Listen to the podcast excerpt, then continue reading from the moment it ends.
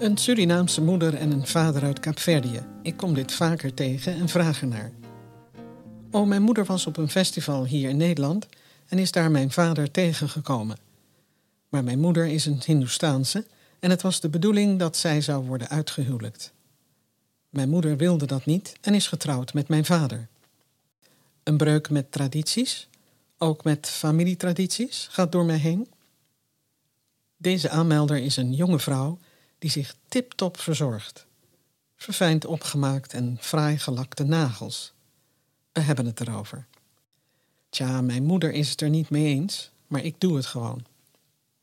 Een breuk met tradities, ook met familietradities.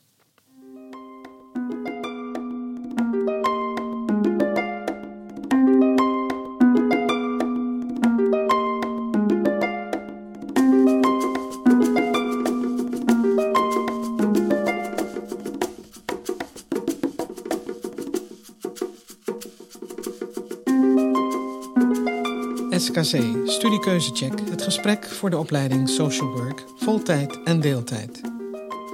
Een gewaardeerde collega zei eens: Kun je alles meten wat je wilt weten? We gaan het zien. SKC, de gesprekken hebben iets magisch.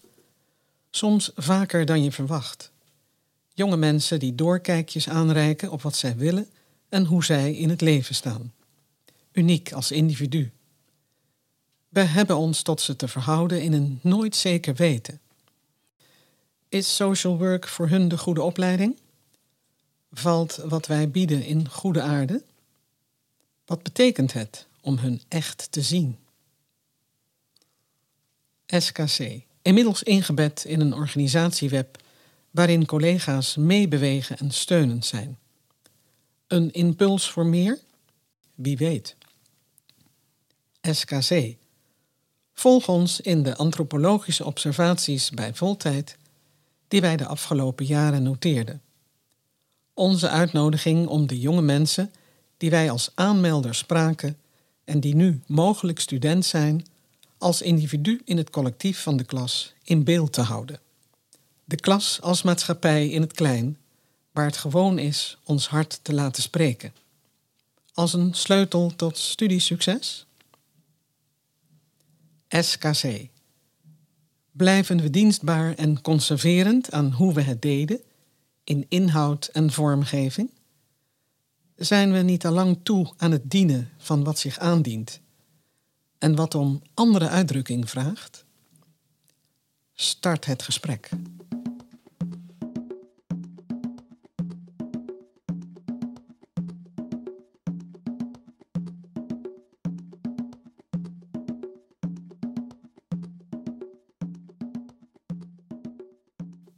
Welkom bij deze aflevering van de SKC-podcast De Ander. Tekenen in de tijd. Met elke aanmelder komt de wereld binnen en de unieke persoon in optima forma. In deze aflevering zoomen we in op de tekenen in de tijd. Wat zagen we toen we startten in 2013 en wat zien we nu? Wat heeft het ons te vertellen? Waar hebben we ons toe te verhouden? Voor we verder gaan, even aandacht voor onze bijsluiter. Je hebt ervoor gekozen om deze aflevering als eerste te beluisteren. En daar heb je vast een goede reden voor. Toch adviseren we je ook de eerdere afleveringen te horen. Elke aflevering wil je iets vertellen. Goed, verder met tekenen in de tijd. In algemene zin spraken we in de beginjaren jonge mensen die zich in het gesprek van hun beste kant wilden laten zien. Weinig hoogvliegers en een mix van MBO, HAVO en VWO. Aanvankelijk meer vrouwen dan mannen. Door de jaren heen fluctueert dit, maar de mannen blijven in de minderheid. Leeftijden vrijwel steeds vanaf 18 jaar en ouder, met een enkele uitschieter van tegen de 40 jaar. Qua diversiteit is het een mix van jonge mensen die door hun ouders wortels hebben in een ander land. Bij de jonge aanmelders, die we in de beginperiode spreken, komen ook persoonlijke problematiek en gezondheidsklachten voor. maar enkelvoudig. Geen tot nauwelijks een stapeling. Als we dit tegenkomen, dan concentreert het zich in de gesprekken die we in juli en augustus voeren. De BSA's spelen daarbij eveneens een rol. Aanmelders die de 21-plus-toets moeten doen, zijn er met regelmaat. Tussenjaren komen nauwelijks voor en is eigenlijk nat dan. Vanaf 2017 zien wij een verandering. De diversiteit neemt wat af en we spreken vaker jonge mensen van 17 jaar. In toenemende mate wordt er gewerkt. Het willen helpen van mensen is nu een zin die we vaker horen. We spreken meer mannen. In dat jaar ontmoeten wij voor het eerst jonge mensen die heel goed uit kunnen leggen waarom ze social worker willen worden. Nu horen we, ik wil van betekenis zijn en doen wat ik leuk vind. Jonge mensen met eigen opvatting en wijsheid. Persoonlijke problematiek komt voor, enkelvoudig en nauwelijks tot geen stapeling. Het tussenjaar is inmiddels gewoon geworden en komt vaker langs. Een jaar om zich te oriënteren. Wat wil ik echt? Om geld te verdienen. Of voor vrijwilligerswerk. In 2018 en 2019 zien wij dit ook. In 2020 nemen we weer een verandering waar en in onze antropologische observaties geven we aan er is verandering gaande. Omdat dit zo evident is, reiken we deze observaties eind juni van dat jaar al uit. Afgelopen jaar, we praten over 2021, tekent zich weer een ander beeld. Het is het tweede SKC-jaar waarin de gesprekken online zijn en de term social worker is een cruciaal beroep, vaak valt. Er zijn meer aanmelders die nog een 21-plus toets moeten doen, een mix van MBO en HAVO en nauwelijks VWO. Tussenjaren worden ingeruild voor dan maar studeren. Drie groepen tekenen zich af. De jonge mannen en vrouwen waar verder niets bijzonders speelt, in de zin van persoonlijke problematiek, en waarbij je tegelijkertijd ook scherp moet blijven. Zo'n een derde op het totaal. Een tweede groep zijn jonge mensen waarbij een stapeling van persoonlijke problematiek aan de orde is en die een andere eigenheid laten zien. Zo'n een derde op het totaal. En als derde groep jonge mensen die heel goed weten wat ze willen en daarbij een doel voor ogen kunnen hebben. Zo'n een derde op het totaal. Persoonlijke problematiek kan overigens aanwezig zijn en ook zij laten een andere eigenheid zien. Deze mix en meer stapeling van problematiek ontmoeten wij in dit SKC-jaar 2021 voor het eerst. We spreken 16-jarigen, iets minder mannen dan vrouwen en minder diversiteit. Voor het eerst worden al in februari-maart, bij de start van het SKC-seizoen, negatieve adviezen gegeven. Opvallend is het aantal jonge mensen dat aangeeft de opleiding te willen doen, maar niet zeker te weten of ze social worker willen worden. Dit laatste willen ze onderzoeken en ervaren tijdens de opleiding. We komen meer emotie en boosheid tegen. Elementen die misschien wel meer dan anders een beroep doen op onze gesprekshouding en dit alles in een online setting. Concreet betekent het voor vertraging kiezen, om meer te kunnen horen en zien, nieuwsgierig blijven naar wat de ander te vertellen heeft, je instellen op het horen van nieuwe dingen, onderzoeken en open vragen stellen, de lastige zaken niet groter maken, voor ogen houden dat het om een gesprek voor de opleiding social work gaat blijven wijzen op de eigen kracht. Rustig blijven om alles op je in te kunnen laten werken. En daar waar noodzakelijk onszelf expliciet bij het gesprek betrekken, om duidelijk te maken wat het beroep en ook de opleiding van je vraagt. Zowel bij de lastige als de mooie thema's worden we meer onderdeel van het gesprek. Ook dat is anders. Wat betekent dit voor het onderwijs dat daarna van start gaat? Laten we inzoomen op onze aanmelders. We ontmoeten jonge mensen die uitstralen: zie mij en hoor mij. En ik ben gewoon goed en geschikt.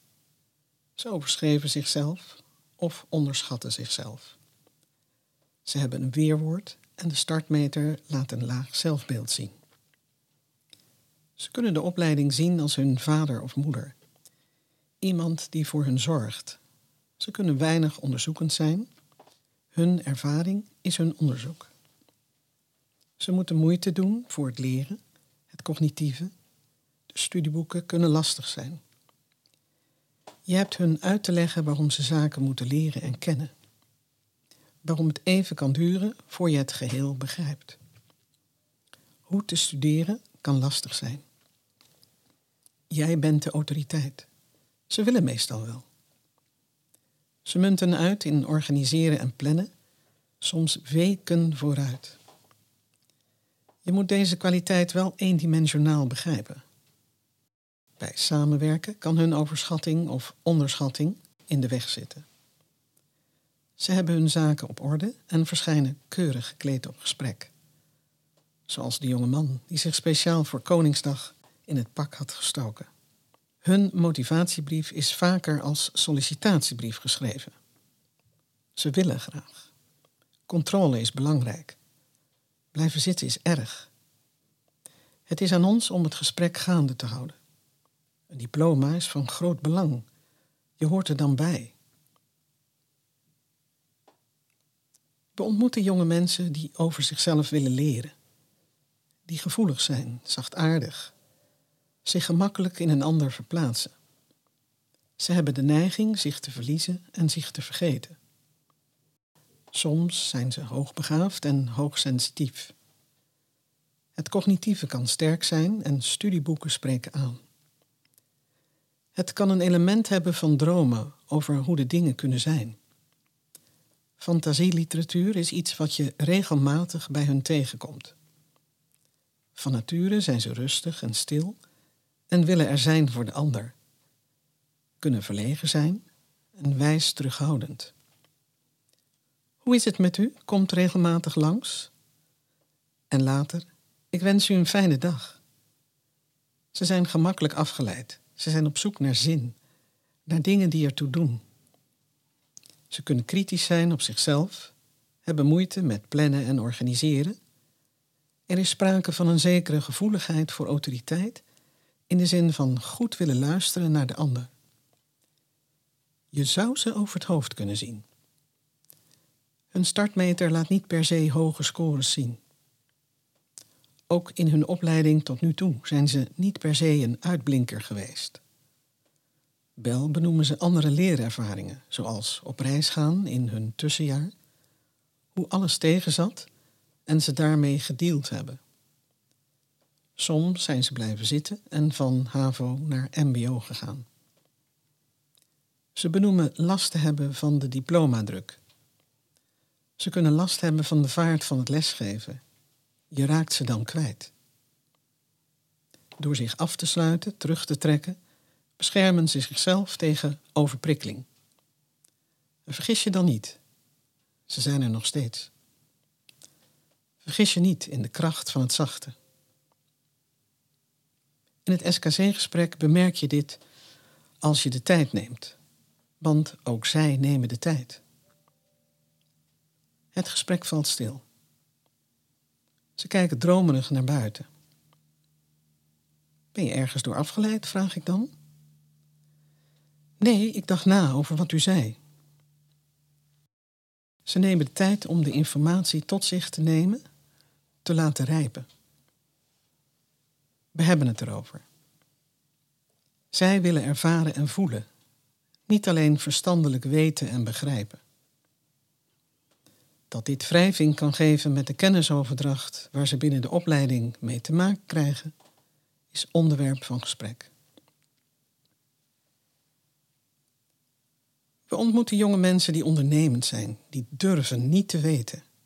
Ze staan stevig, en moeten soms worden afgeremd, kunnen hoogbegaafd zijn en moeten soms leren om samen te werken. Ze zijn ongeorganiseerd en creatief, op zoek naar zin en dingen die ertoe doen. Plannen en organiseren maken ze zich gaandeweg eigen. Ze moeten wel als ondernemer en hebben er last van als creatieveling. Klinkt wellicht vreemd, maar hoe te studeren kan ook voor hun lastig zijn. Hun eenpuntige concentratie en hun gerichtheid op dat wat op dat moment hun interesse heeft, kan dit in de weg zitten. Daarbij komt dat ze expliciet willen weten waarom een bepaald aspect hun volledige aandacht verdient. Daar willen ze het vervolgens ook zelf mee eens zijn. In die zin kunnen ze ervoor gaan en er niet voor gaan. Studieboeken zijn prima wanneer deze hun dienen. Jonge mensen met een gevoeligheid voor autoriteit in de betekenis van niet automatisch aannemen wat de ander aanreikt. Hun startmeter laat niet per se hoge scores zien. Ze houden van snelheid en je kunt ze kwijtraken bij een lager tempo. In gesprekken is dit merkbaar. Rustig aan, komt allemaal in orde, zeg ik dan. Zij hebben geen last van diplomadruk. Een diploma brengt hun doel dichterbij.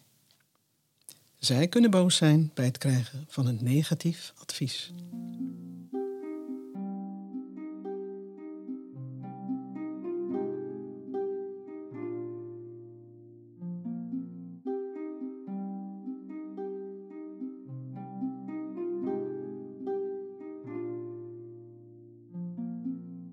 Alle jonge mensen vragen iets anders, passend bij hun eigenheid en kracht. Veranderingen worden zichtbaar. Er wordt ruimte gevraagd om de dingen op eigen tempo te doen. De een heeft behoefte aan langzaam en de ander aan snel. Ze stellen zaken ook ter discussie. Waarom is dit vak belangrijk? Waarom veranderen zaken binnen jeugdzorg niet? Hoe kijkt u daarnaar? En wat vindt u daarvan? Ze dagen ons uit naar hun als persoon te kijken en vragen zich in de gesprekken openlijk af: Is er wel voldoende aandacht voor de mens? Zij houden het gesprek met ons gaande en reiken gesprekstof aan. Iedereen heeft een eigen verhaal, vindt u ook niet? Ze tonen ons een mate van bewustzijn die niet afhankelijk is van leeftijd, levenservaring, opleiding of sociale status, maar veel eer op zielsniveau. Een verborgen wijsheid, soms gepaard aan een intrinsiek optimisme. Ons denken wordt uitgedaagd. Jonge mensen die de opleiding willen doen om te leren over de mens. Ze zijn nieuwsgierig naar de ander en willen van betekenis zijn in een wereld die zij als ingewikkeld ervaren. Het zijn verschilmakers, maar je moet ze wel zien staan. In wie ze zijn en in de problematiek, gestapeld of niet, waar ook bij hun sprake van kan zijn. Daarin kun je je wel eens vergissen. Ik wil nog iets toevoegen aan het uitgedaagd worden op ons denken, of misschien moet ik zeggen, mijn comfortdenken. De eerste keer dat ik dit meemaakte, had ik even een moment van: dat is raar. Wel de opleiding, niet het beroep. Naarmate ik dit vaker tegenkwam, ging ik beter begrijpen waar ze het over hadden. Het moet echt voor ze kloppen, anders heeft het voor hun geen zin om social worker te zijn. Het moet echt zijn, oprecht zijn. Het woord leuk is ook zoiets. De opleiding moet leuk zijn. Voor mij heeft het woord leuk weinig diepgang, maar dat bleek voor de ander niet het geval. Door de verschillende gesprekken ben ik leuk anders gaan bekijken. Leuk gaat over dat het zinnig moet zijn, iets voor moet stellen. Dat het klopt met je eigen gevoel en hoe jij de dingen ziet. Leuk heeft diepgang gekregen. Het allermooiste was de aanwijzing of correctie die ik kreeg. Of misschien moet ik wel zeggen de aanreiking van een ander woord. Aha, u bedoelt geïnformeerd, was de reactie op mijn gewaarschuwd. En ik was even uit het veld geslagen. Tja, dacht ik, haar woord is neutraal en dat van mij geladen. Een eye-opener, fantastisch om mee te maken. Ik heb haar laten weten wat zij mij op dat moment leerde. Of de jongeman die zegt, als in het eerste jaar criminologie aan de orde komt, iets waar ik heel veel belangstelling voor heb, dan is het toch raar als de docent zou zeggen, dat komt in het derde jaar aan de orde. In het gesprek hierover worden twee dingen duidelijk. Er zit een element in van het moet nu. En er zit een element in van waarom zou dit binnen het onderwijs niet kunnen? Voor we inzoomen op persoonlijke problematiek, graag aandacht voor de vluchtelingaanmelders. Zonder uitzondering zijn dit jonge mensen die ervoor gaan.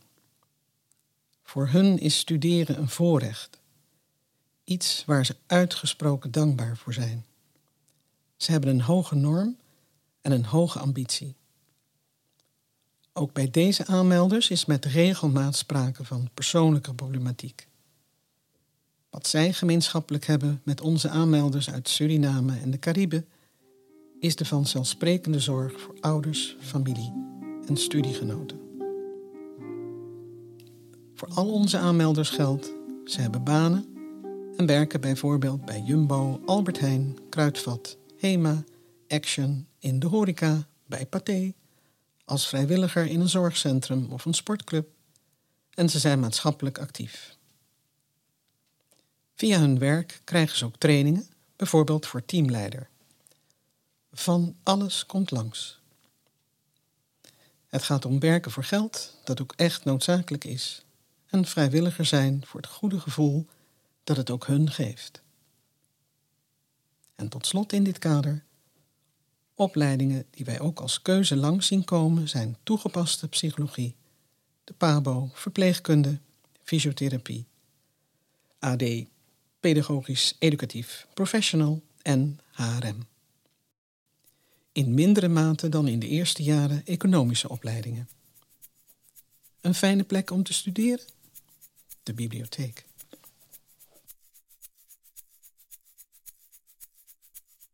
Aan gezondheidsklachten bij onze aanmelders zien we faalangst. In therapie, soms langdurig, zo'n drie jaar, en soms nog in therapie en gaan spoedig in therapie. Periodiek afspraken met huisarts en of maatschappelijk werk problematiek als gevolg van seksueel misbruik, verkrachting, een enkele keer binnen het gezin. Gepest en de gevoelens van destijds, minderwaardigheid, laag zelfbeeld spelen soms nog op. Nierdialyse, diabetes, migraine, spierziekte. Problematiek als gevolg van maagverkleining, moe, weinig energie en concentratieproblemen trauma als gevolg van scheiding, overlijden van familieleden, neerslachtig, somber, deuk in het zelfvertrouwen. Dyslexie, depressie, medicijngebruik, ADHD en ADD. Paniekaanvallen, angstaanvallen, burn-out, eetstoornissen, slaapproblemen. Aspecten waar onze aanmelders mee te maken hadden of hebben problematische gezinssituatie, geweld binnen het gezin. Poging tot zelfdoding binnen het gezin. Overlijden van vader, moeder, broer of zus. Minder valide zus of broer.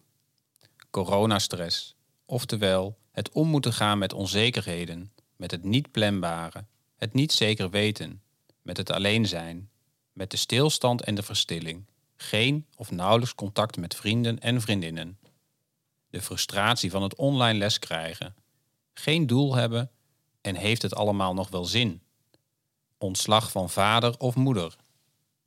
Discriminatie door docenten tijdens stage vanwege huidskleur of niet goed Nederlands spreken. Ernstige ziekte binnen het gezin. Aspecten voor de aanmelder zelf. Zelf inmiddels vader of moeder van één, twee of drie kinderen Kwaliteit van het Nederlands schrijven is regelmatig ronduit slecht. NLD, niet-verbale leerstoornis. Geadopteerd. In een enkel geval is dit lastig. Verkeerde vrienden en of vriendinnen en de sporen die dat na heeft gelaten. Onzekerheid, vertrouwen, zelfvertrouwen dat schade heeft opgelopen. Ook drank en drugs die in dit verband aan de orde kunnen komen in het gesprek. Anderen om hulp vragen is lastig. Hoogbegaafd, kunnen zich vervelen, willen uitdaging en zoeken soms de grenzen op.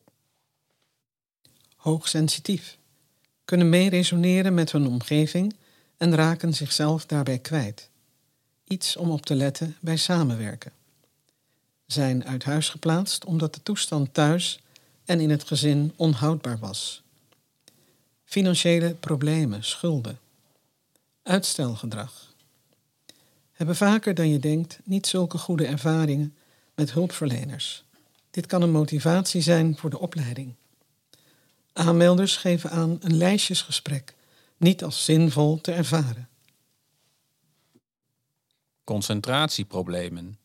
De vluchteling die soms nog dagelijks het geluid van het geweld, van de kogels hoort. Het lastig vinden om de problematiek die in het SKC-gesprek aan de orde kwam, later met docent of medestudenten te bespreken.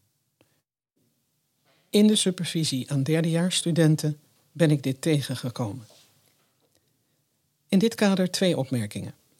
Met name bij stapeling van problematiek vraag ik me wel eens af: is hier sprake van ziektewinst? Een begrip uit de psychologie en een fenomeen dat op kan treden wanneer de persoon geestelijk en ook lichamelijk last kan krijgen van niet gehoord en niet gezien zijn.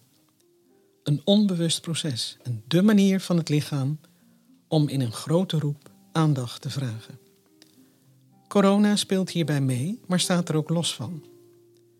Zo beschouwd hebben we te kijken naar wat er achter de problematiek schuilgaat. En in dit licht deze problematiek serieus te nemen.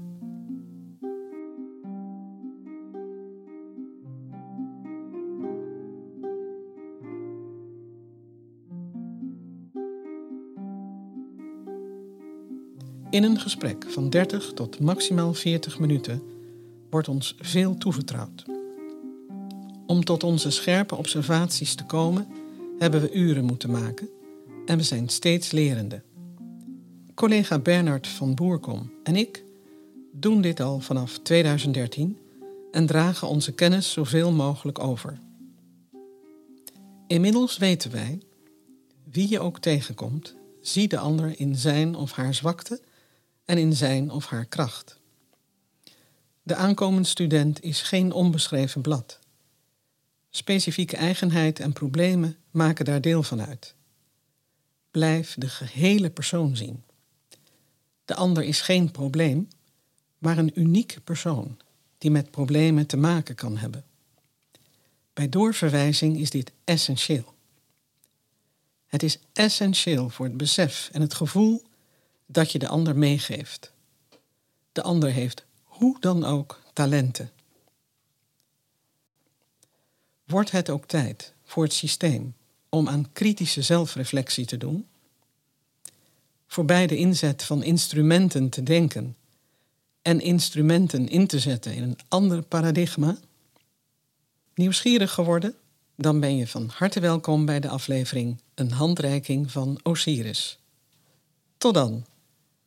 Ik ben Ellie Verblauw, een van de SKC'ers die vanaf het allereerste begin betrokken is bij SKC.